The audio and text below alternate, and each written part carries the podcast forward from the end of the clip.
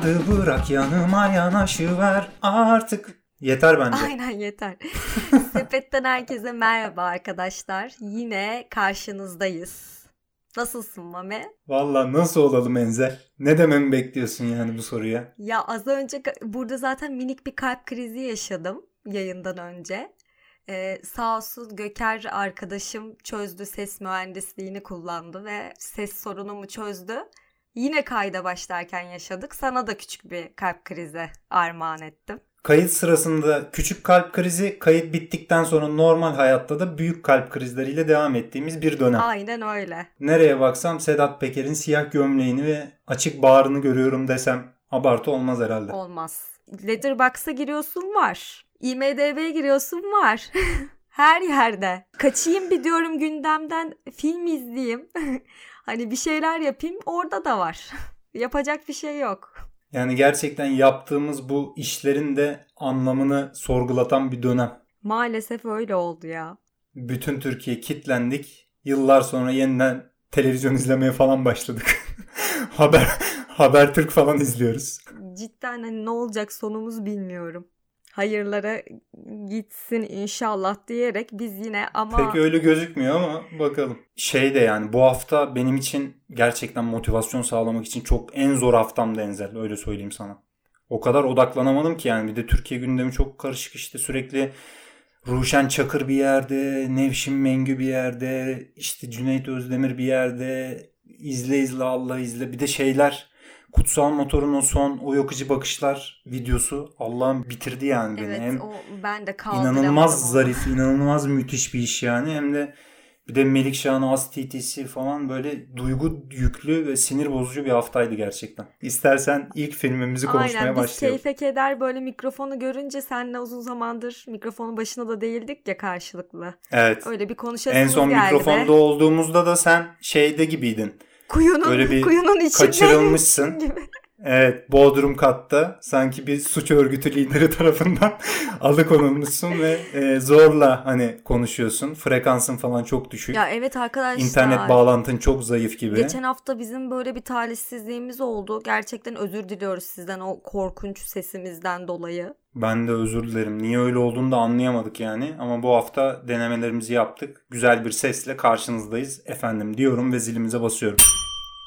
Aşk Büyü vesaire Ümit Ünal'ın son filmi 2019'da da hem Altın Portakal'da hem de İstanbul Film Festivali'nde e, birçok ödülle Altın Lale başta olmak üzere e, ödüllendirilen Mubi'de gösterime girdi.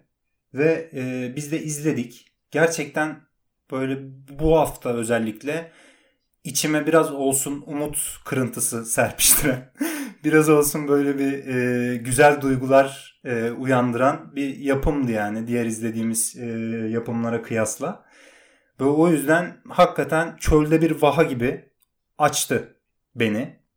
Sen ne düşünüyorsun? İstersen bir konusundan bahset sonra konuşalım. E, kısaca konusuna şöyle diyebiliriz aslında. Gençliklerinde birbirini sevmiş iki kadının tekrardan karşılaşması ve sonrasında yaşanan hadiseler. Hani eskiye geri dönüş, bir hesaplaşma ve yaşadıkları böyle tatlı filmin e, komedi aksı diyebileceğimiz bir hikayenin de ana e, kısmıyla bağlantılı bir şey büyüyle bağlantısı olan kısmı var. Türkiye yapımı olmasaydı acaba nasıl bakardım filme? O konuda çünkü biraz endişem var. Bu arada film gerçekten hani çok kısıtlı bir vakitte 10 günde çekilmiş. Hem de çok kısıtlı bir bütçeyle yani herkesin böyle gönüllülük usulünden çalıştığı bir yapım olmuş. Ee, Ece Dizdar ve Selen Uçar filmi sırtlanıyor zaten. iki ana kadın karakter. E, film aslında iki şey kadının birbirine olan aşkına odaklanarak e, hikayesini oluşturuyor ve hani böyle yönetmenin de zaten hani Ümit Ünal'ın da oyuncuların da hani verdikleri böyle demeçlerde röportajlarda kendileri de belirtmişler. Ya burada aslında tamamen odaklanılan nokta hani aşk ve aralarındaki o sınıf farkı Hani burada benim hiçbir zaman filmimin üst cümlesi hani eşcinsel bir birliktelik üzerinden bir anlatı kurayım. İşte bunun sıkıntılarını ne olduğuna dair benim de söyleyeceklerim var gibi bir noktadan e, varılmamış aslında filmin sonuna hikayesine de. Tamamen bunu normal görerek bir hikaye oluşturulmuş. Reyhan karakteri zaten e, bunun aslında bir Yeşilçam kalıbının içine sokarak bizim hikayemiz hani zengin kız e, fakir kız hikayesi diyor. Gerçekten hikayede öyle bir Yeşilçam kalıbı üzerinden ilerleyen iki karakterin birbirinden farklı e, sınıflardan olmalarından dolayı e, bu aşkları ortaya çıktıktan sonra hayatlarının gittiği noktalar farklılaşmış tabii ki. E, zengin olan e, çok daha farklı e, koşullara sahip olduğu için hayatını bir şekilde toparlamış ama duygusal anlamda kendini bir türlü toparlayamamış. Reyhan karakteri ise zaten hani durumu şey iyi olmayan bir ailenin kızı olduğu için hem maddi hem manevi olarak çok fazla hırpalanmış. Yani bu hikayenin hırpalanın zaten hani karakter kendisi de söylüyor. Ya sen yolunu buldun ama ben niye bulamadım ya? Olan yine bana oldu. Ya film gerçekten e, tatlı bir film kesinlikle. Katılıyorum ona. Ama benim filmle ilgili bazı dertlerim var. O da şundan kaynaklanıyor. Senin taş kalbinden. Taş kalbimden değil, asla değil. Ya, Zalimliğinden olabilir mi? Hayır. Bunu seninle de konuştuk. Sen beni hemen böyle şey yaptın. Taş kalpli bir birey yaptın da hiç alakası yok. Ya benim sıkıntım buradaki yani aslında çok tatlı bir aşk hikayesi iki kadın arasındaki ama e, Selen Uçar yani Reyhan karakteri gerçekten yani Selen Uçar tarafından oluşturulurken aşka odaklanarak oluşturulmuş. Yani ciddi anlamda ben o kadının e, aşık olduğunu, süründüğünü ve hani yaşadığı hayatı da gerçekten yaşadığına inandım. Ece Dizdar'ın performansına bir türlü ikna olamadığım için yüzü ayrı bir şey söylüyor, kendisi bedeni ayrı, her şey ayrı bir şey söylüyordu benim için. O bütünlüğü yakalayamadığım için de e, ister istemez hikayeye karşı biraz daha böyle mesafeli yaklaşmaya başladım belli bir yerden sonra. Bir de bu aralarındaki işte sınıf farklılığına dair de e, filmde çok fazla aslında baktığın zaman hani böyle dışarıdan bir bilgi vermiyor film aslında. Hani görsel olarak ben mesela bu iki insanın birbirinden çok farklı sınıflara ait iki kadın gibi görmüyorum. Bunu görmediğim için de yönetmen de büyük bir ihtimal bunu verebilmek için daha çok konuşturmuş karakterlere hani cümlelere ihtiyaç duymuş ister istemez ve bu da anlatacağı şeyi sürekli cümlelerle anlattığı için birazcık zayıflatmış gibi hissettim anlatısını. Hmm. Ben şeye katılmıyorum bu arada. Görselde hani farklılıkları olmadığına katılmıyorum ama Ece Dizdar'ın oynadığı karakterin inandırıcılık hissinin e, Reyhan karakterine göre daha az olduğuna ben de hemfikirim. Yani bu Ece Dizdar'ın performansıyla da alakalı olabilir biraz ama biraz da aşkın böyle büyülenmiş tarafını oynayan bir insanın karşısında daha gerçekçi bir yerden bakan ona has siktir git sen benim ne boklar yediğimi biliyor musun hayatım sikildi benim diye hani böyle daha insana e, yakın gelebilecek tondan konuşan bir karakter arasında böyle bir e, farklılığın olmasının senaryo açısından da doğal olduğunu düşünüyorum. Yani o yüzden tabii ki bu Ece Dizdar tarafında da işte onun oyunculuğuyla ilgili olarak da yorumlanabilir de e, Ece Dizdar'ın işi daha zor bence Selen Uçar'dan. Hani o yüzden böyle bir mesafenin olması onunla e, daha mantıklı gibi. Hatta şöyle düşünüyorum. Bence ikisinin arasındaki diyaloglar çok iyi yazılmış. Adada koştururken tartışmaları, işte aşklarını yaşamaları vesaire. İnanılmaz böyle bir tiyatro e, sahnesinde bir oyun izliyormuşum kadar e, çatışmalarının çok derinlikli olduğunu falan hissettirdi bana. Ve yan karakterlerin de dediğin gibi böyle o hikayeye kattıkları ritim bazıları mesela onu e, fazla büyük oynadıkları için ya da hikayedeki e, o tartışmaya, çatışmaya e, katkı sağlamadıkları için hani nefes aldıran yerler ya oralar. E, yeterince gerçekçi bulmamışlar ve e, bütünlüklü bulmamışlar oraları ama ben katılmıyorum ona. Aksine e, daha böyle hikayeye e, canlı bir ritim kattığını da düşünüyorum. Özellikle o e, zombilerin anlatıldığı sekansla şey büyü e, sahneleri. Bence zaten filmin en güzel kısmı bu hikayenin bir yerde böyle büyü kısmının olması.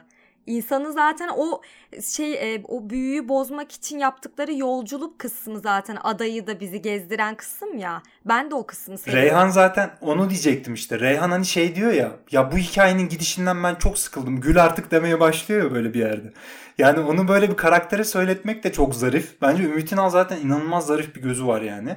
Ee, oradan sonra hikayenin aldığı hal ben de hiç artık şey düşünmedim yani Ece Dizdar'ın oyunculuğunu falan düşünmedim. Kaptırdım gittim yani sonuna kadar. Hatta o sonda o müthiş bir finali var ya güzel bir göz beni attı bu derin sevdanın söylendiği. işte büyük adının müthiş işte deniz manzarası güneşin batışıyla falan.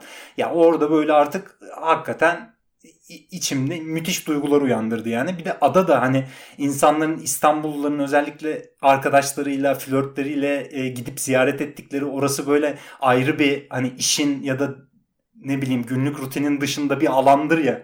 Hep oraya gidersin, hep orada işte bir şeyler e, yaşarsın, anılar biriktirirsin. Hani böyle hepimizin anılar biriktirdiği bir yerde böyle bir mekanın seçimi de bence hikaye inanılmaz e, özellikle İstanbullular için çok e, dinamik bir izlek katıyor diye düşünüyorum. Ama e, şey konusuna Ece Dizdar'ın ilk bölümdeki oyunculuğu konusunda orada hikayeye girmeyi zorlaştırdığı konusunda katılıyorum yani. Bence iki kadın arasındaki diyaloglar gayet samimi ama bana açıkçası yani diyaloglar da çok böyle ağım şağım gelmedi. Ama zaten öyle bir şey de beklemiyordum. Benim öyle bir beklentim de yoktu. Ya ben de şu an mesela filme dair e, çok güzel bir his kaldı. Bunu inkar edemem. Gerçekten filmi sevdim o anlamda. Ya filmde repliklerden ziyade adanın aklında ya aklımda kalmış olmasını daha çok sevdim ki hani aslında çok böyle mükemmel e, işte kamera süper bir sinematografi gibi bir şey de vaat etmiyor film. Ama işte adanın o büyüsü, o tepedeki sahne ya da işte dediğin sahne hani insanı gerçekten etkili o da repliklerin büyüklüğünden ya da edebi açıdan müthiş olmasından bahsetmiyorum ben aslında. Ben e, karakterlerin arasındaki çatışmanın, hesaplaşmanın ve sonradan e, kavuşmanın da çok iyi kurgulandığını düşünüyorum senaryoda. Adım adım. E, demek istediğim o yani. O yüzden hani tiyatroda bir oyun izliyormuş, iki, iki kişilik bir oyun izliyormuş havasını da bundan dolayı söyledim zaten. Yoksa e, tabii ki şey tartışılır yani edebi açıdan ne kadar başarılı bulunup bulunmadığı. Arada geçen böyle küçükken birbirlerine gençken yazdıkları şiirler var ya. Bu şiirleri senle de konuşmuştuk bunu. Ben çok hoşlanmıyorum zaten filmde şiir okunmasından. Normal hayatta da hoşlanmadığım gibi. İnanır mısın? hoşlanmıyorum. O arada giren şiirleri hani ciddiye alıp almadıklarına dair böyle bir izlerken bir şey görmek istedim. Yani lütfen bu şiirleri ciddiye almadığını gösteren bir şey söyle hani. Ya sana da neler yazmışım ya de. Biraz daha gerçekçi kıl diye hep böyle bir bekledim.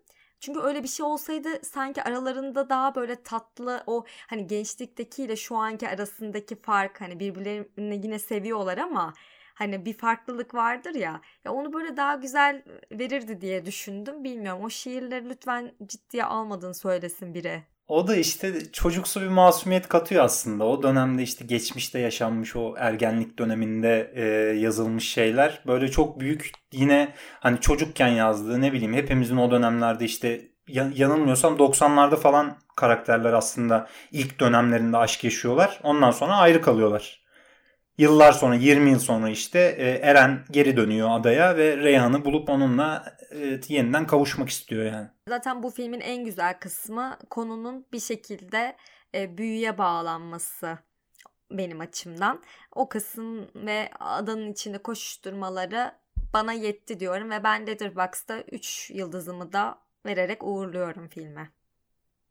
Hakkıdır üç buçuğu da hak eder. Ben çünkü çok kişisel bir ilişki de kurduğum için hani dediğin gibi işte Türkiye yapımı bir film olmasaydı ama böyle de değerlendiremiyoruz işte her filmi yani. Bir yandan da Büyük Adanın işte o atmosferinin de e, kattığı duyguları muhakkak e, şey yapmam gerekiyor. O yüzden üç buçuktan aşağı veremem. Kimse de kusura bakmasın diyorum.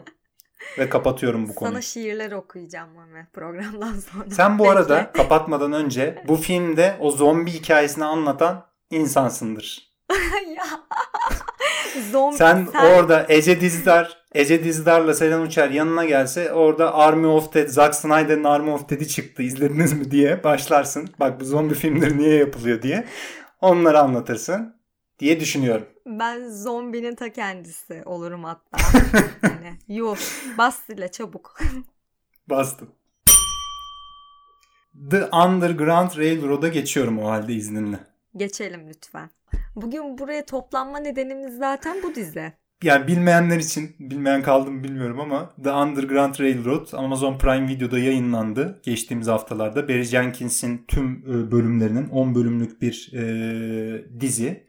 E, tüm bölümlerinin yönetmenliğini yaptığı ve e, böyle bayağı da Amerika'da inanılmaz bir beğeniyle karşılandı ve şu anda Metacritic'te de Rotten Tomatoes'ta da bir numaraya oturdu diye hatırlıyorum. Sonradan bir değişiklik olmadıysa eğer. Yani yılın en iyi dizisi olarak gösteriliyor. Tabii ki bunun da bir sebebi var. Ee, önce bir istersen Enzel şöyle bir kabaca bir konusundan bahset sonra daha detaylı tartışalım. Konusu şöyle kısaca diye girip aslında bayağı bir uzun anlatabilirim de haberiniz olsun. Ya Georgia plantasyonunda köle olarak doğmuş Cora diye bir ana karakterimiz var. Ya annesi ka- kaçmayı başarabilen tek köle galiba. Hani bildiğimiz kitapta da hani dizide de.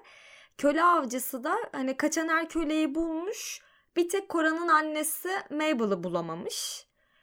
Aynı yerde köle olan da Sezar diye bir erkek karakter var. Cora'nın annesinin kaçtığını bildiği için Cora'nın da ona şans getireceğini düşünüyor ve e, birlikte kaçabileceklerini düşünüyorlar. O dönemde de işte 19.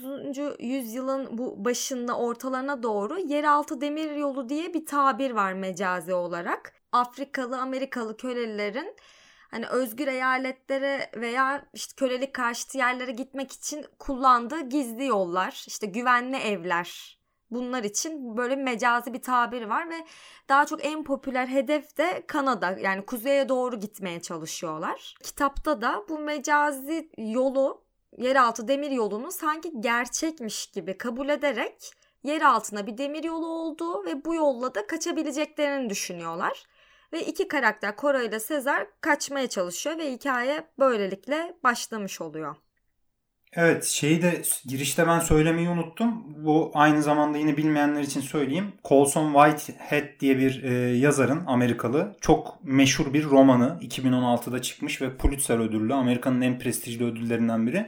Hatta yazar da çağın şu anda en e, iyi romancılarından biri olarak kabul ediliyor Amerika'da. E, hatta 3 yıl arayla Pulitzer ödülüne, ödülüne de layık görülmüş bir yazar yani. O yüzden zaten romanın Amerika'da e, bestseller olduğu böyle bir dönem var ve çok e, okunduğu, çok işte e, büyük bir beklentinin de zaten hani bu proje açıklandığında oluştuğunu söyleyelim. Çünkü aslında şöyle bir şey yapıyor hem roman hem dizi. Tabii ki burada bir işte bir ana karakter üzerinden bir köle üzerinden onun bir kaçış hikayesini izliyoruz ve e, başlangıç noktası da aslında köleliğin en sert yaşandığı e, Amerika'nın en güneyinde bulunan Georgia eyaletinde başlıyor.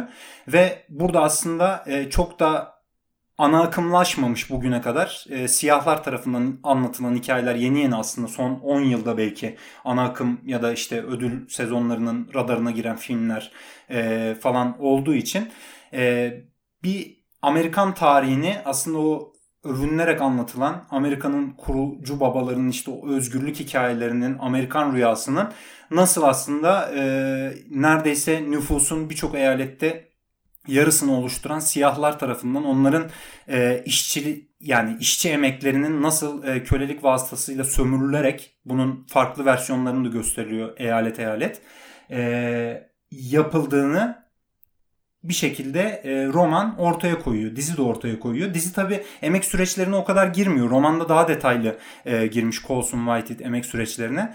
Ve bize böyle e, tersten yazılmış e, korkunç bir tarih anlatısı aslında sunuyor. Ve çıkışı da olmayan oldukça kötümser bir havası var. Hem romanın hem de dizinin de. Ya açıkçası şunun altını çizmek istiyorum ben yorumlarıma başlamadan önce. Kitabın arkasında böyle konuya ilişkin şöyle bir şey yazıyor. Kora'nın dünyaya kafa tutma öyküsü. Yani birebir arkada yazan şeyi söylüyorum. Ee, benim dizide hiç bulamadığım ve göremediğim kısım bu. Hani Kora'nın dünyaya kafa tutma öyküsü. İstersen ben başlayayım. İlk diziyi izledim ve sen, hani senle birlikte izledik. Böyle üç günde izledik ve gerçekten ağır geldi zaten hani izlemesi Toka, çok zordu. Tokadı çarptı zaten ilk bölümü bir izledik. evet yani. bir dakika dedi şöyle siz bir kendinize gelin dedi şöyle bir şamarı Yolladı yani. Resmen öyle oldu ve izlerken de hani senle de konuşmuştuk. Ya böyle bir şey eksik yani ana karakterin motivasyonuna dair ya da yaşadığına dair eksikler olduğunu hep düşünerek izledim böyle 10 bölüm boyunca. Nitekim kitabı okuyunca da ciddi anlamda bir eksiklik olduğunu da fark ediyoruz. Yani Kur'an'ın aktarımındaki tercih çok değişik yani açıkçası çok eksikleri var. Mesela Koran'ın yaşadığı şeyler aslında bir acizlik yaratıyor olsa da köle olarak aslında Kora hiç aciz ve öyle zırlak bir karakter değil kitapta. Yani her şeye böyle falan böyle korkarak kenara çekileyim sürekli ağlayayım bir tip değil. Zaten kendisine rol model olabilecek iki tane kadın figür olmuş hayatında. Biri anneannesi, biri annesi. E, ikisi de e, aslında uç noktalar. Biri daha hani bulunduğu yeri kabul eden ama kabul ettiğinde de güçlü duran anneanne figürü. Diğeri ise olduğu yeri kabul etmeyen ve zaten tek kaçmayı başaran o plantasyondan e, bir kadın hikayesi ve kitapta da diyor zaten hani Kora karar verirken anneannesi gibi mi karar vermeli, annesi gibi mi karar vermeli? Bunun arasında kalıyor diye. Ben izlerken mesela bunu çok görmedim. Bir de mesela şey de rahatsız etti beni izlerken. Ya kölelikle ilgili İlla ki tabii ki daha böyle ayrıntılı bir şekilde o köleliği anlatmak istiyor. Anlıyorum. Ama Koray'ı da çizerken sanki kölelikle ilk defa tanışmış gibi çizmiş. Yani aslında Kora kölelikle ilk defa tanışıp böyle hani o köle avcısı ya da efendi denilecek insanların ona kötü davrandığında böyle ilk defa karşılaşmış gibi tepkiler vermesi dizide bana böyle garip gelmişti. Nitekim zaten kitapta öyle değilmiş. Aslında karşılaştığı yani ilk defa gördüğü şey dış dünyayla olan e, bağlantısı. Daha önce dış dünyaya dair hiçbir şey olmamış hayatında. Mesela ilk defa trene biniyor işte ilk defa asansöre biniyor gibi. Ama sanki hayatı sıfırdan ilk defa kölelik sistemini yaşayan bir plantasyondan gelmiş biri gibi anlatmış anlatırken. E bunu da böyle tercih ettiği için Koray'ı harcamış ister istemez bence yönetmen hani siyahlar üzerinden böyle anlatıda bir duygudaşlık tercihini yanlış yerden yapmış. Yani travmayı bence yanlış e, yönlendiriyor gibi geldi ve zaten bu tarz travmaları böyle hani e, bir millete, bir cinsiyete, dile, ırka yani her neye diyorsan öteki diyebileceğin kavramların hepsinin travmalarını anlatmak riskli işler gerçekten. Yani o, o taraftan olsam bile illaki bir tarafı memnun etmeme ihtimalin söz konusu oluyor. E, bu hikayede de yapılan tercihler sanki ciddi anlamda beyazları anlatılması tercih edilmiş gibi tercihler gibi geldi bana. O konuda biraz kafam karışık. Bu arada şeyi söylemeye gerek var mı bilmiyorum ama dizinin en güzel yanı aslında hani romandaki o atmosferi müthiş bir yani medyumun sınırlarını sınır sonuna kadar kullanıp inanılmaz bir e, görsel şölene dönüştürüyor hakikaten. Barry Jenkins. Ciddi bu, anlamda yani. Bu çok başarılı yani. Hani hem tarihsel açıdan e, bize aktaracağı o bilgiyi hem de bugüne de aslında pas atıyor ya o Amerika'daki duruma. Barry Jenkins de Colson Whitehead de bunu söylüyor zaten. E, biz aslında bugünü anlatıyoruz. Bugün de aslında siyahlar için çıkışı olmayan işte geçtiğimiz yıl e, öldürülen o genç e, siyah e, çocukla da başlayan Amerika'daki büyük tartışma zaten hala gündemde e, bugün de aslında çıkış olmayan bir şey anlatıyoruz diyor. Ama şeye katılıyorum yani gerçekten e, bunu anlatmayı çok müthiş bir şekilde başarıyor. E, ve özellikle dizinin set tasarımı, e, prodüksiyon tasarımı o kadar başarılı ki. Yani bundan sonra hani bir dönem işi izlediğinde o yani adapte olmak ya da o çiğliğe alışmak insanlara zor da gelebilir bu diziyi izledikten sonra. Gerçekten öyle. Ben de bu arada direkt eleştiriyle başladım ama ciddi anlamda kurduğu dünya, atmosfer zaten tartışmaya İnanılmaz kapalı çekimler. yani. Karanlık çekimleri, ters ışık kullandığı çekimler gerçekten e, birbirinden güzel. Ama bu bu yandan da işte e, bazı tartışmaları da yol açıyor yani. Bir kere şeye çok net katılıyorum. Dediğin gibi Kora'nın dramatik açıdan öyküdeki yerini ben de e, kitapta daha iyi muhakkak. E, zaten roman da hani şey olarak medyum olarak da sinemaya göre bence bunu vermekte daha avantajlı bir şey yani medyum. O yüzden e, orada bir anda iç derinliğine dair daha çok bilgiye sahip olabiliyoruz Kora'nın. Ama şeyi anlamıyorum mesela ilk bölümde e, kitapta şöyle bir şey var. Kora'nın anneannesinden kalan ve başka da bir kadına verilmemiş bir imtiyaz var. Georgia'da. 2,5 metrekarelik bir bahçe ve bu bahçede işte anneannesi bir takım e, sebzeler, meyveler yetiştiriyor. Ve bunu işte Mabel annesi kaçtıktan sonra Georgia'dan e, Kora'ya bırakılıyor. Ve Kora oradaki siyahlarla da aslında e, çok anlaşabilen bir karakter değil yani. Böyle o, orada da öteki gibi siyahların kölelerin arasında da böyle zıt uç bir karakter yani. Ve bunu e, orada işte başka bir siyah güçlü iri yapılı bir kölenin oraya bir tane e, köpek kulübesi koyup e, Mabel gittikten sonra annesi e, ve Kora'nın da aslında korkabileceği bir erkek figürle e, bu çatışmayı koyuyor. E, bahçeye bir köpek kulübesi yapıyor bu e, karakter ve Kora daha sonra bir balta alıp o köpek kulübesini parçalayıp hani onu o bahçeyi elinde tutmak için inanılmaz bir mücadele veriyor kitapta. Gerçekten ve bu kafa kitabın, tutuyor yani karakter. Evet evet ve kitabın bütünü boyunca da bu bahçe meselesini sürekli dönerek böyle Kora'nın o annesinden gelen asiliyle dediğin gibi anneannesinden gelen o e, sakinliği aslında metaneti bir arada e, bulunduran bir karakter gibi işliyor bu bahçe meselesi üzerinden de. Bunun konulmaması bence bilinçli bir tercih yani. Barry Jenkins hani daha çok travmalara belli ki yoğunlaşmak istemiş ve diyor da zaten hani bizim Amerika'da böyle geçmişimizde böyle travmalarımız var. Bunun da ben e, konulmasına ben bunu ruhumu kattım falan demiş zaten bu iş için işte. E, bunun da bu şekilde e, resmedilmesinde ben bir beis görmüyorum diyor ama şöyle, şöyle bir şey oldu. E, senle istersen bu konuyu da açalım. Letterboxd'da bir siyah bir kullanıcı bu diziyle ilgili bir yıldız vererek insanların işte siyahların kırbaçlandığı, yakıldığı bir e, şey üzerinden bugün anlatmaya çalışmasının bu hikayelerin artık bizim e, siyahların bu özgürlüğünü kazanmadaki diyalektik e, unsurları yansıtamadığını yani siyah folkların da e, bu özgürlüğü kazanırken onların kültürlerine yansıtamadığını, daha çok travmalara odaklandığını, bu yüzden de bu işlerin bu işleri çekebilecek siyahlara verildiği ve ekran sürelerinin de oyunculara bu şekilde tahsis edildiğini, bir beyaz mekanizması üzerinden yapıldığını ve Amazon'da yayınlandığına dair böyle uzunca bir e, yorum yaptı. Sonra isterseniz de işte asıl siyah kültürünün yansıtıldığı filmleri şunları gerçekten buna ilgi duyuyorsanız falan diye bir şeyler bıraktı. Sonra Letterboxd bu yorumu e, yanılmıyorsam 3-4 gün boyunca kara listeye aldı ve sansürledi. Anladığım Arkadaşlar bana ne haber verdi? Bana gösterdi Al. bildiğin mail atmış ya. Ha ben de Haber mail attım zaten. mail atmış. Böyle böyle Letterboxd'da böyle bir yorumu kara listeye aldılar bilginiz olsun diye. Evet Sen ben de attım ama sonra Hayır be. Sonra yorumun altına da bir sürü başka insan da şey yapmış ve yorum da yani bir sürü kullanıcı tarafından beğenildi. Şu anda da top olarak hani isteyen girip bakabilir Letterboxd kullananlar. Tapta duruyor hala yani. Hani bu tartışma da bence önemli. Çünkü dediğin gibi yani sadece dizi boyunca bence bu travmaların e, çok fazla yansıtıldığını görüyoruz. Sadece bir bölümde yok bu. Yani 9. bölüm bence dizinin en iyi bölümü zaten. Çünkü dramatik açıdan da çok güçlü. Siyahların kendi içindeki çatışmaları da, siyahların beyazlarıyla arasındaki çatışmaları da e, müthiş kurulmuş ve yani climax'ini de orada yaşıyor zaten dizi. Hani müthiş bir e, sahnesi var yani.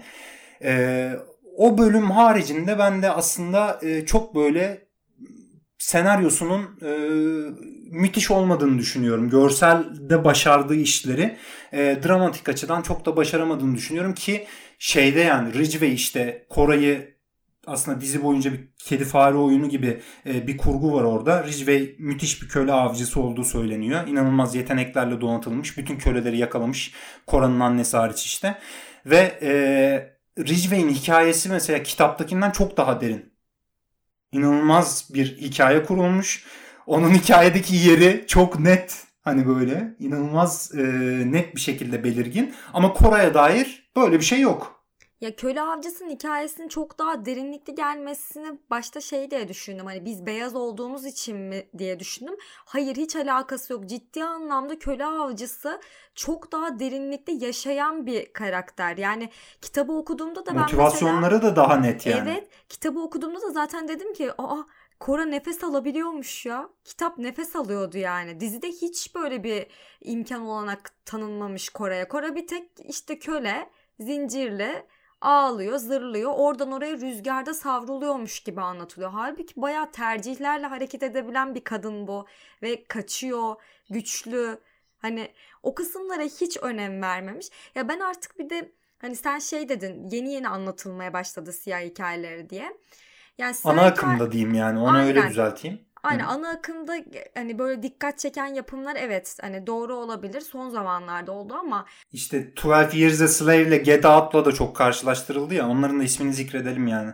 Yani mesela siyah hikayelerinde de artık bir dönüşümün yaşanması gerektiğini düşünüyorum. Yani bir kölenin kırbaçlandığını göreceğimize bir köleyi dinlemek daha çok isterim yani.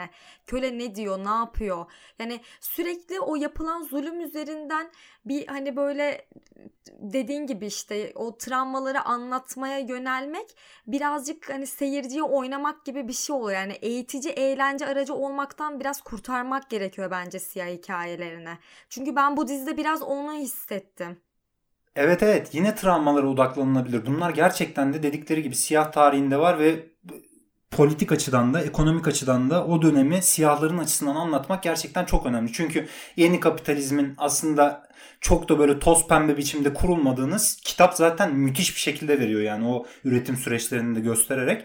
Hani bu bunda bir, bir sıkıntı yok ama bir yandan da işte o mesela şeyler ilk bölümdeki e, kitapta e, işte bir siyah bir kölenin doğum günü var yaşlı bir kölenin. O doğum günü çok daha canlı bir şekilde e, bizim hayal gücümüze yansıtılırken e, hani şeyde de çok uzakta böyle çekilmiş uzak çekimlerle gösterilmiş. Daha çok oradaki e, işte sahiplerle köleler arasındaki şiddete odaklanmış ve hani ne kadar o yakılma görüntüsü var ya ilk bölümdeki bir kölenin kaçan başka bir kölenin yakılması. Yani onu mesela şey çok etkileyici. Ee, yakılan kişinin gözünden bir anda e, görüntüye geçip izletmesi ama o bile bana şeyi kurtarmıyor yani. Ee, bir yandan da bu özgürlük amacının, özgürlük motivasyonunun nereden geldiğini yeterince göstermediği zaman dizi o dengeyi iyi kuramadığını düşünüyorum yani. Hani bunun dışında da hani şunları ekleyebilirim belki. İşte 5 tane eyalette aslında e, geçiyor. Aslında 4 de yani şöyle Georgia, South Carolina, North Carolina, Tennessee ve Indiana hepsi de aslında şu açıdan da başarılı. Hem siyahlar açısından hem de beyazlar açısından kötülüğün de iyiliğin de birçok tonunun olduğunun e, ve köleliğin de birçok tonunun olduğunun hani kölelik mekanizmasının da e, farklı bir biçimlerde nasıl yaşandığını böyle her bölüm ayrı ayrı gerçekten e, zekice ve etkileyici bir biçimde kurguluyor. Hani onu da eklemiş olayım. Yani görsel şölene hani kapılıp e, hikayenin e, anlatının şey ana konusundan böyle sapan bir izleyici kitlesi de var. Hani kitabı okumamış. Kitabı okumayan bir insanın hani çok aşırı rahatsız olmamasını anlayabiliyorum ama kitabı okumuş bir insanın bu dizinin anlatısından kesinlikle bir noktada böyle bir rahatsızlık duyması gerektiğini düşünüyorum. Evet. Ki ben Ya ona rağmen- okumadan da rahatsız Hı hı. oldum yani. Ya Kora'nın e, Koray'a açılan o dramatik e, böyle sıkışıklığa rağmen ben Tuso Embido'nun da baş karakteri Koray'ı oynayan performansını çok beğendim. Hatta diziyi izlerken de sana söyledim yani birden fazla duyguyu aynı anda e, olabildiğince vermeye çalışmış. Hani o bir de ya şey takdire şayan hakikaten Barry Jenkins'in yapmaya çalıştığı ucuz böyle 101 kıvamında metotlara başvurmamış ya. Hikaye anlatıcısı yok mesela ya da olabildiğince minimum diyalog kullanmış. Romanın anlatısına sadık kalmaya çalışmış. Bunlar gerçekten takdire şayan yani. Hani ona rağmen o e, sıkışık alandaki e, karakterlerin de oyunculukları Homer'ın da mesela Ridgway'in e, siyah bir birlikte seyahat ettiği küçük bir çocuk var. e, onun Ah, yanında muhteşem kalan. ya. Gerçekten dizinin hani gerçek Kore karakterini dediğin gibi oynayan oyuncu şahane oynuyor. Bir de o karakter yani. Homer'ın olduğu her sahne inanılmaz bir tekinsizlik, inanılmaz bir ritim katıyor yani. Gerçekten müthişti. O çocuk oyuncunun oyunculuğu da. Aynen. Ben üç buçuk verdim 5 üzerinden diyorum. Ben de yani yarattığı görsel ve tarihsel perspektife e, ve anlatıya verdim yani 3,5 yıldızı ama dediğim gibi Kora'nın daha güçlü resmedilmesini hele Ridgway gibi bir karakteri böyle bu şekilde babasının işte geçmişine dönüp e, nasıl bir motivasyonla bu işe başladığını falan çok derinlikli bir şekilde gösterirken hani Kora içinde en azından o bahçe meselesinin işlenmesi gerektiğini düşünüyorum yani. Kesinlikle izlenmesi gereken bir dizi bu arada. Herhalde canım yani onu söylememize hani. gerek yok arkadaşlar. diye de hani böyle beğenmedik, burun kıvırdık Ya gibi de olmasın. şöyle bir fark var ama şimdi nasıl işte aşk büyü vesairede Büyükada'da çekildiği için bizi çok etkiliyorsa ya bu da Amerikalılar için inanılmaz bir hikaye. Yani öyle bir fark var. Hani Amerika'da Amerikalıların köklerine sinmiş, genlerine sinmiş bu Amerikan rüyası meselesini böyle alt üst eden hani Amerika'nın bütün coğrafyasına neredeyse yayılmış o ırkçılık meselesini bütün tonlarıyla e, işleyen böyle bir tarihsel perspektif geliştiren bir hikaye elbette ki Amerika'da inanılmaz bir beğeniyle karşılaşacak ama biz o e, duygudaşlığı bu kadar yakalayamadım ben yani açıkçası onu söyleyeyim. Haftanın son filmine geçiyorum. The Killing of Two Lovers isimli. 2020'de Sundance'de dünya premierini yapmıştı. Geçtiğimiz haftalarda VOD'de satışa sunuldu. Bir Amerikan bağımsızı. Çok büyük bir film değil. Yine küçük bütçelerle çekilmiş bir film. Robert Machoyan e, yönetmeni. Aynı zamanda da senaristi. Ve e, küçük film derken şöyle de küçük yani. Robert Machoyan'ın oğullarının, üç oğlunun oynadığı ve babasının da oynadığı e, aynı zamanda gerçek aktörlerle de e, bu kastın birleştirildiği bir yapı var.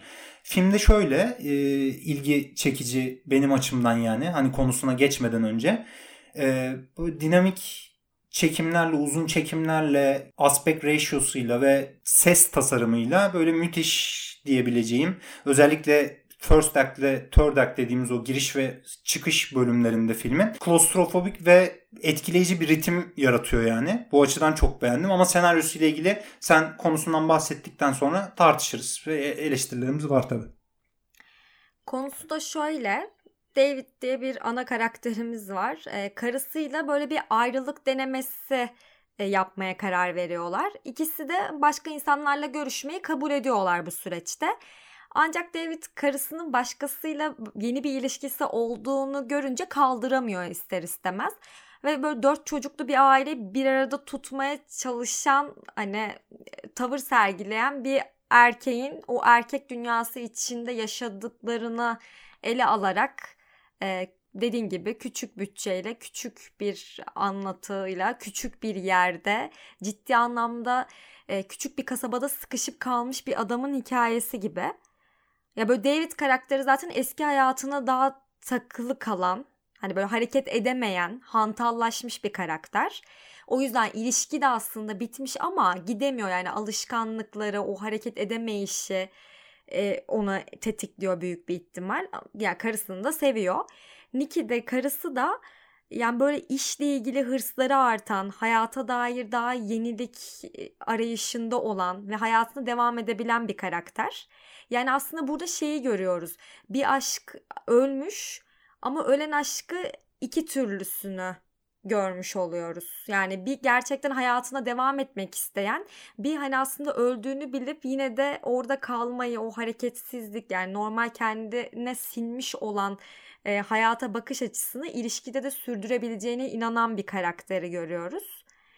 Hani o anlamda aslında çok büyük bir hikayesi ve çok büyük vaat ettiği şeyler olmamasına rağmen dediğin gibi o kurduğu atmosferle falan o kasabanın içinde gerçekten böyle boş alan koskoca tarlalar araziler var ama ben bir de kendimi çok sıkışmış hissettim. Ya dediğin her şeye katılıyorum zaten. Şu ama problem bence filmde. Zaten bir erkeğin gözünden daha çok anlatıyor. Mesela eleştirmenler Marriage Story ile karşılaştırmışlar da yapmayın etmeyin yani. Marriage Story'de çok daha iki taraflı bir hikaye anlatılıyordu. Çok daha katmanlı. Bütün eleştiri yazılarında neredeyse benzer bir e, yaklaşım gördüm yani. Ya şu filmin en büyük avantajı gerçekten e, sahici, baş karakterin David oynayan karakter de oldukça etkileyici bir performans sergilemiş. O erkeğin e, işte toksikliğini psikopatlığını hani şiddet sarmalıyla böyle o sevecen baba figürü arasında gidip gelme halini yansıtmış. Hani senaryoda tamamen bunun üstüne kurulu ve babayı aslında babanın gözünden zaten hikayeyi çoğunlukla da izliyoruz. Kadına hep bir mesafeliyiz yani. Finali beni asıl rahatsız eden noktası. Şeyi çok iyi yapıyor yani. Bu toksik erkekliğin ne aşamada gelip gittiğini işte niye şiddet e, başvurduğunu vesaire. Oralara iyi girip çıkıyor. Böyle ıssız adam karakterini derinleştirip hani bunu e, başarılı bir biçimde yapıyor ama finalde böyle ne olduğunu anlamadığımız bir şekilde bitiyor film. Film de çok kısa zaten 84 dakika falan olması lazım. Bence anlamamamızın nedeni ne biliyor musun? Hı hı. Ee, yani David'in ikinci bir şansı hak edip hak etmediğine dair elimizde çok döne yok. Yani kadın kendi iradesiyle mi geri dönüyor? Gerçekten istiyor mu? Yoksa Evet işte. ciddi anlamda toksik bir ilişkileri vardı da bu noktadalar mı? Ben onu mesela anlayamadım. Ben de anlayamadım işte şeyi mi diyorsun yani toksik ilişkidir bu ve bu böyle yaşanır. Evlilikler böyledir mi diyorsun? Yoksa bu zaten e, kadın bu şekilde kabullendi adamı deyip ya bu arada David bunca e, bokluk yaptıktan sonra aslında bir takım işte psikolojik ve fiziksel şiddete başvurduktan sonra e, eşine değil ama eşinin e, birlikte olduğu adama onun da can canlı bir arabası var. İşte kariyerist demiştik eşi. Daha böyle tercih edilebilir bir noktada yaş almasıyla David de işte eski bir müzisyen e, kaybetmiş hayatta gibi falan çizilmiş yani.